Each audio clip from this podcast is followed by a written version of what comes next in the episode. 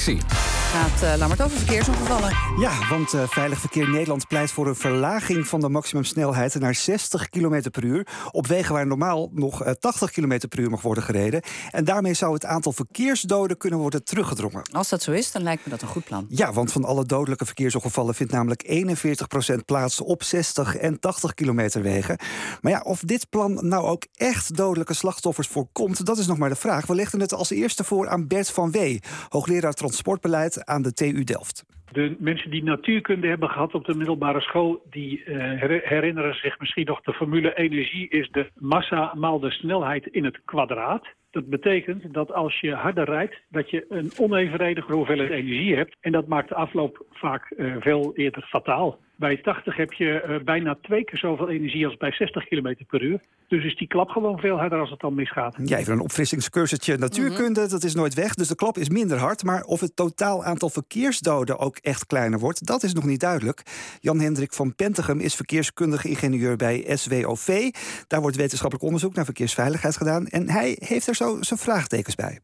Als de uh, snelheid van 80 naar 60 wordt teruggebracht heb je kans dat uh, een deel van de automobilisten uh, denkt... ik rij liever binnendoor. Dat gaan ze dan doen over de huidige 60 wegen. Ja, en daar tref je ook gewoon voetgangers en fietsers aan. En die zijn vele malen kwetsbaarder. dus de kans op een frontaal ongeval is hoger. Maar bij een lagere botsnelheid ja, is de afloop overwegend lager.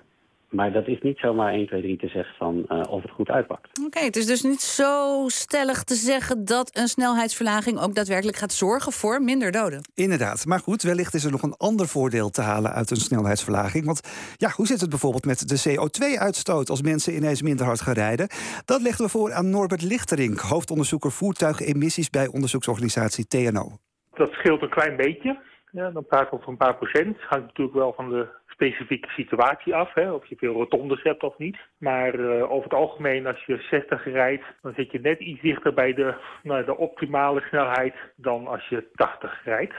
Ja, een paar procent CO2-uitstoot scheelt het dus. Maar let op, bij vrachtwagens en stikstof is het alweer een heel ander verhaal. Want die stoten volgens Lichterink juist meer stikstof uit bij een lagere snelheid. Moderne vrachtwagens zijn uh, zeer schoon vooral op de snelweg.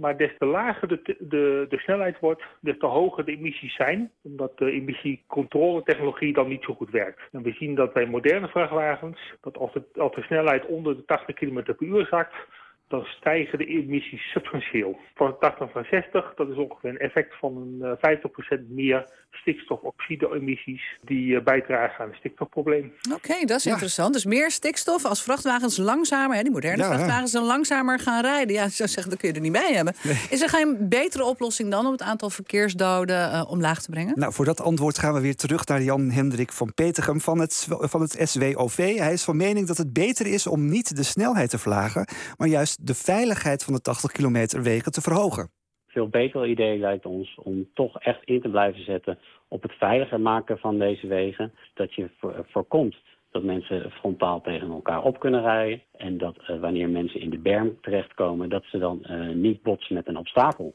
Oké, okay, Lammert, is het dus uh, uiteindelijk feit of fictie? Ja, nou, het is dus zo dat met een lagere snelheid er minder kans is op een ongeluk dat fataal afloopt. Leerden we al met natuurkunde op de middelbare school. Maar toch, er is domweg nog te weinig onderzoek gedaan naar wat zo'n snelheidsverlaging doet met het verkeer. Om echt stellig te zeggen dat het aantal verkeersdoden daarmee omlaag gaat. Dus ja, we zijn streng. Mm -hmm. Het is fictie. En daarnaast uh, draagt dus een lagere snelheid ook nog eens bij aan de stikstofproblematiek. Ja, het is niet anders. Oké. Okay.